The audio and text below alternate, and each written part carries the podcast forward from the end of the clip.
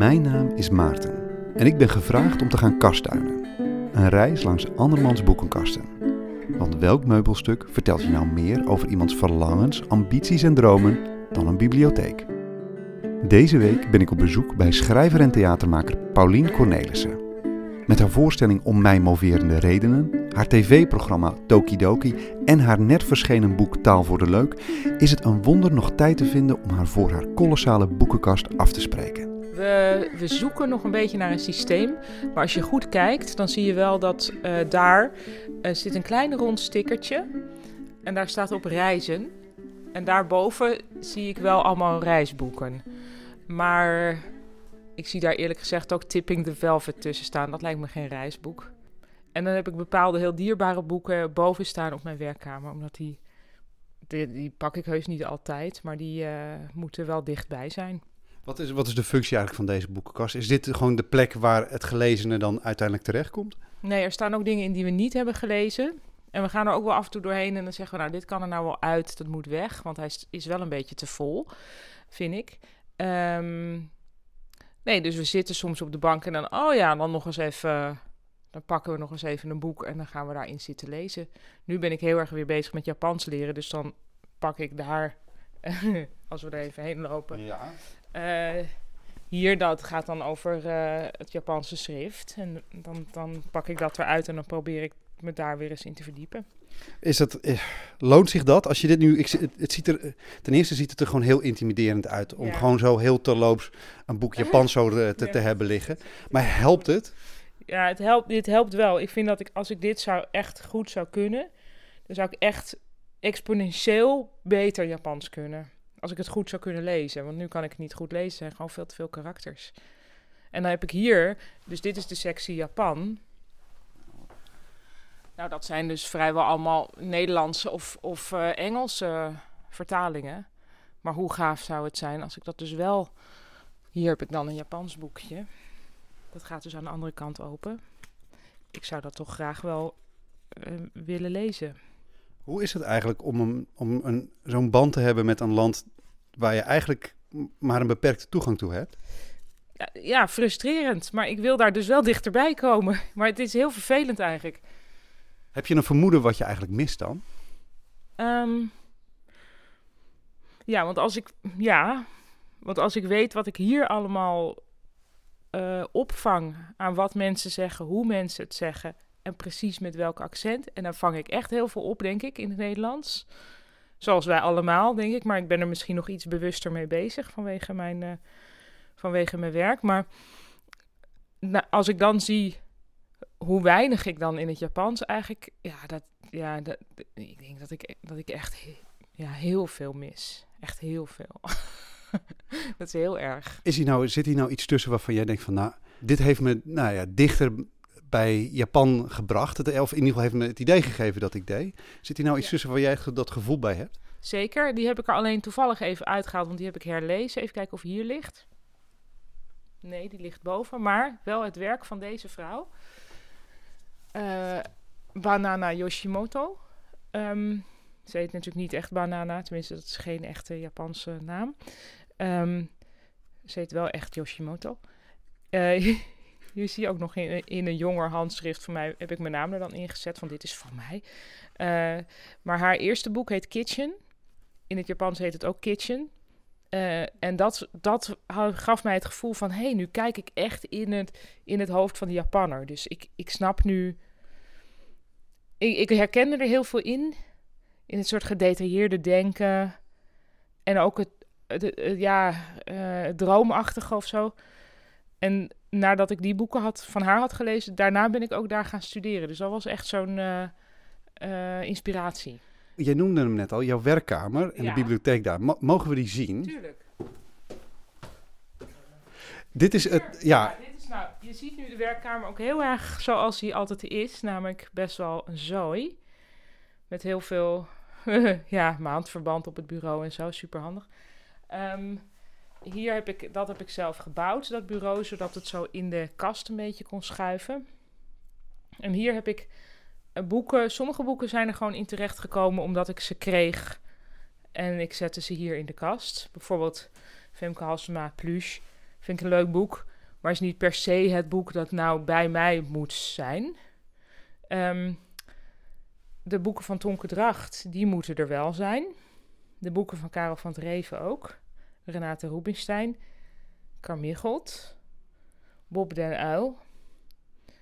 David Sedaris.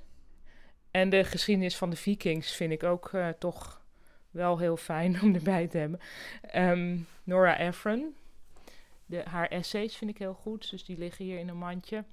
En dit is ook een belangrijk boek. Uh, het is ooit een kinderboekenweek geschenk geweest. Het heet Het, het Verdwenen Plakboek. En het is ja, gewoon een, ja, een soort facsimile eigenlijk van een plakboek met een verhaal erin. En ik vind hoe dit gemaakt is heel leuk. Heel liefdevol in ieder geval. Ja, het is zo heel. Ik, ik maak zelf vaak ook wel. Ja, ik teken veel en ik, ik plak veel in boekjes. En daar is dit zeker een inspiratie voor geweest.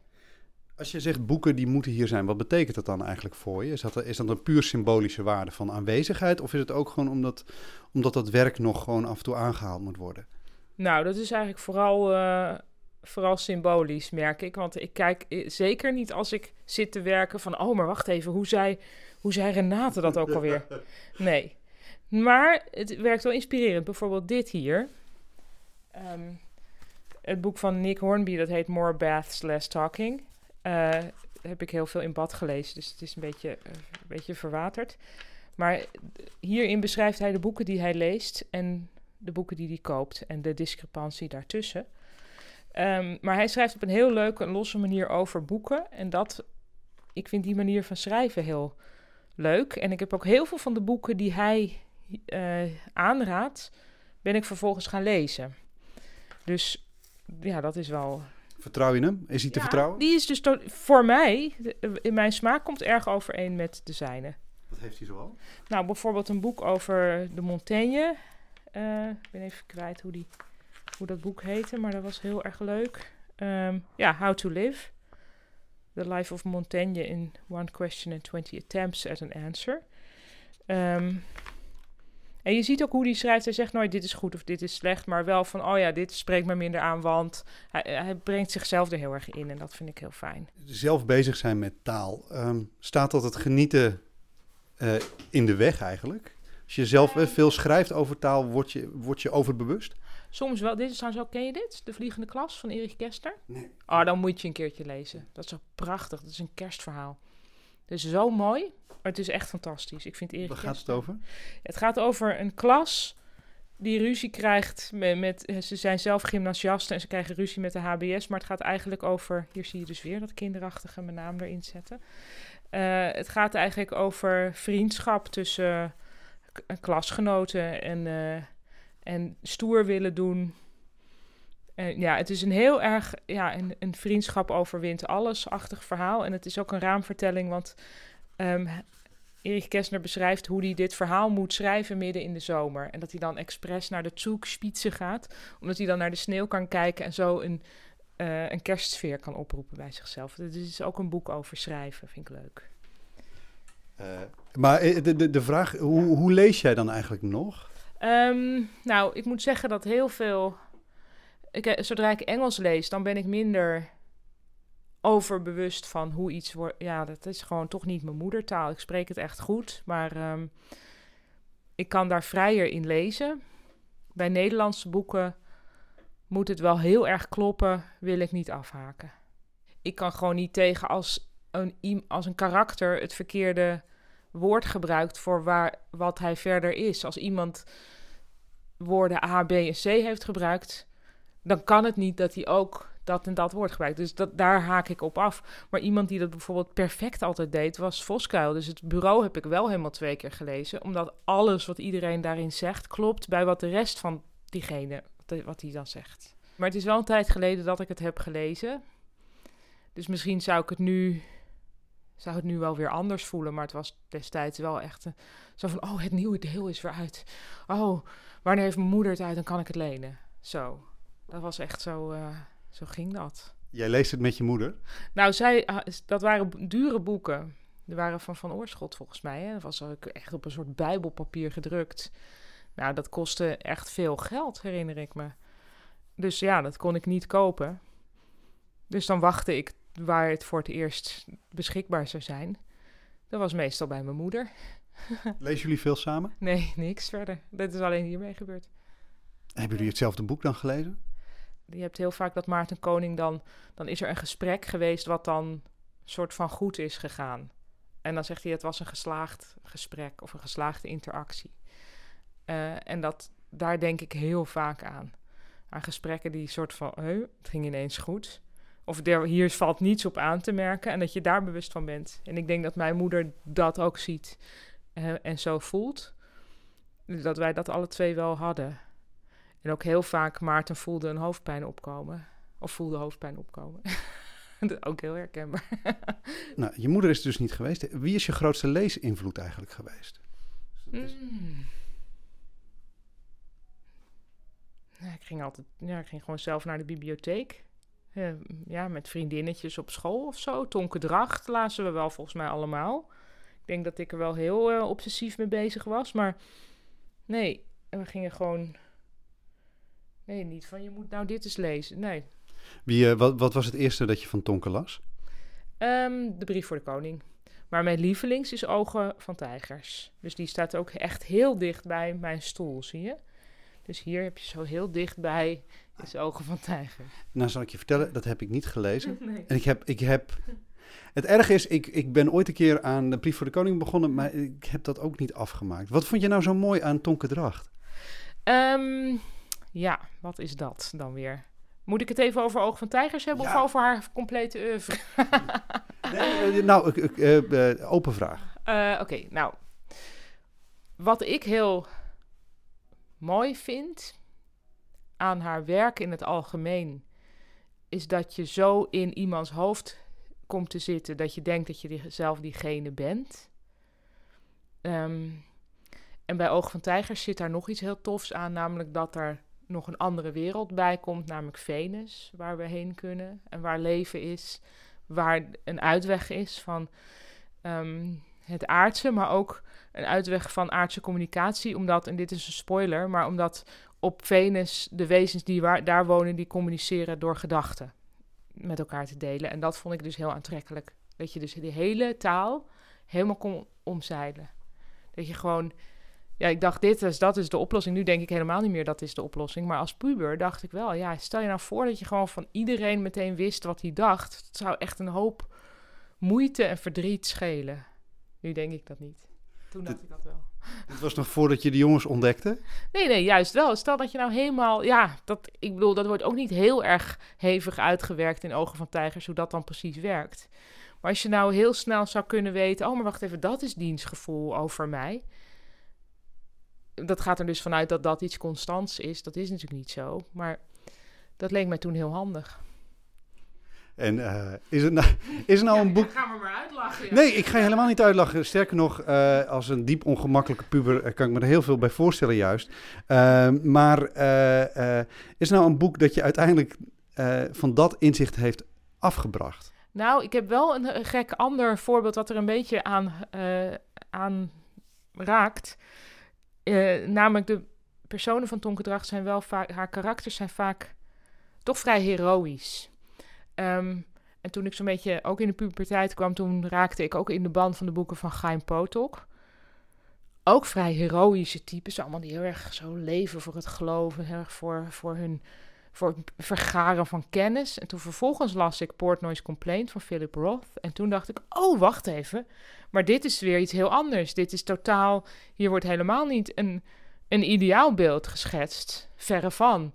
En dat vond ik wel toen ineens heel verfrissend. Dus dat is eigenlijk ook een soort afstappen van de ideale droomwereld. Hoewel ik daar dus ook veel mee heb. Maar ehm, ja, dat, ineens dat, dat botte realisme, dat... eh, trok me toen toch ook wel heel erg. Die, die panische neurose vooral, gewoon het uit, uitkieperen. Hè? Portnoy's compleet is eigenlijk één grote neurotische tirade tegen, de, tegen zijn therapeut, als ik het goed Ja. heb. Hè? Van, van eh, die, eh, de, de, hoofdpersoon die, die blaat gewoon al zijn seksuele neuroses met name, blaat hij eruit. Eh, ik weet nog dat het zo, in- inderdaad, dat ongeremde voelde zo Ja. lekker. Dat je, En ook het eindigt met punchline. En dan zegt die therapeut één ding. Ik weet niet eens meer wat. Maar ik weet nog dat ik dit toen las. In het Engels. En dat ik dus no- nog lang niet... Dat ik toen heb opgezocht, wat is een punchline? Want dat wist ik helemaal nog niet. Oh, oh dus dan was dit hele boek was een grap. En nu krijgen we de punchline. Vond ik ook... Ja, ik vond... Ik vind verder dat Philip Roth een beetje eh, vooral te veel heeft geschre- geschreven. Maar dit, eh, ja, dit was toch wel... Dat denk ik, je moet het maar durven. Zo'n heel boek en dan eindigen met... En de clue? Ja, oh, grappig. Ja. Is er nou ook nog een boek of een schrijver waarvan je het eigenlijk bijna jammer vindt dat je hem niet meer kan lezen? Eh, Omdat de magie nu gewoon voorbij is voor je. ehm, mm, mm, mm. Hmm. Nou, eigenlijk, ik heb bijvoorbeeld heel erg genoten van Tolkien vroeger. En nu denk ik, ja, ook door die films, hè. Ik zie dan toch meteen die Elijah Wood, of hoe heet, ik weet niet eens hoe die heet. Zo heet hij toch? Ik weet niet. Zie ik er dan bij en denk ik, ja, dat is dus niet wat ik dacht. Ik vind, ik vind het, hele, het hele universum eromheen... Nee, en dan nog denk ik dat ik nu te, me toch te veel zou ergeren aan al dat getover. Maar wat vond je er toen mooi aan, waar je dus nu niet meer bij kan? Nou, eh, de middel, ja, eigenlijk dat het min of meer de middeleeuwen is. Dat heeft natuurlijk de brief voor de koning ook. Gewoon, eh, ja, me- met je paard ergens heen. en niet kunnen bellen vooraf. ik wou eigenlijk troubadour worden, hè, vroeger. Dus Oh, nou ja, met zo'n maillot met twee kleuren. Dat leek mij super tof. Maar dat komt. Ik was ook heel erg van bewust, ja, daar heb ik niet het juiste geslacht voor. En dan ben ik in de verkeerde tijd geboren. Maar dat had mij leuk geleken.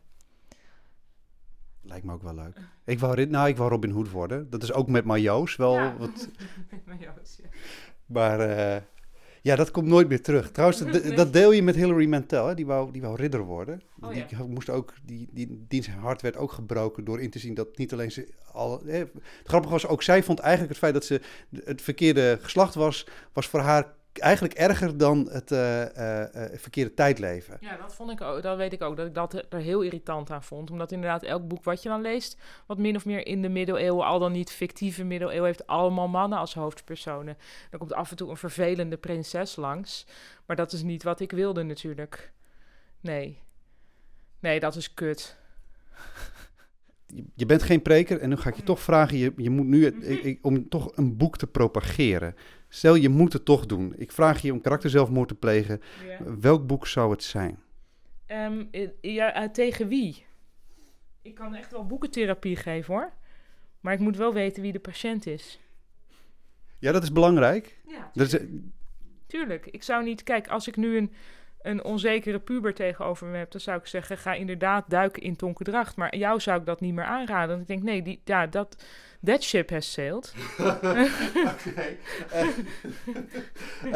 Oké, nou goed, hoppa. Nou, ik, eh, dan werp ik mij op als patiënt. Dokter, zeg het maar. Ehm, ik weet natuurlijk best veel van jou, hè? Nou, ook niet zo heel veel. Maar ik denk dat jij behoefte hebt. in jouw leven. Sorry. Eh, ik denk dat jij... Dat jij eigenlijk... Jij wordt natuurlijk geleefd door de chaos van het jonge gezin. Jij hebt iets korts nodig, iets... Maar wel, ik denk dat ik jou toch... Ja, je hebt het waarschijnlijk al gelezen, maar richting Karel van het Reven zou eh, sturen. En welke in specifiek? Uren met Henk Broekhuis. Waarin grote, ja, het, het, het algemene, wat algemeen geloofd wordt, wordt daarin gedebunked. Maar op een heel grappige wijze. Bijvoorbeeld van Philips zou wel een lamp kunnen maken die eeuwig brandt. Maar dat doen ze niet, want dan zouden ze niet genoeg verdienen. En dan gaat hij helemaal gewoon beredeneren waarom dat onzin is. En dat lijkt me heel lekker. Dat het, ja, dat het eigenlijk dat de wereld ineens weer te bevatten lijkt. Eindelijk rust. Zoiets? Kan je er wat mee? Dankjewel. Dit was de zeventiende aflevering van Kastduinen. Kastduinen is onderdeel van de Slaakast, een podcast gemaakt in opdracht van de Stichting Literaire Activiteiten Amsterdam. Abonneer je voor meer verhalen, gesprekken en avonturen in literatuur. Je kan ons vinden in onder andere de iTunes Store en op Stitcher. Zoek op Slaakast, S-L-A-A-C-A-S-T en klik op abonneer. Goed, dat was het. Tot de volgende keer.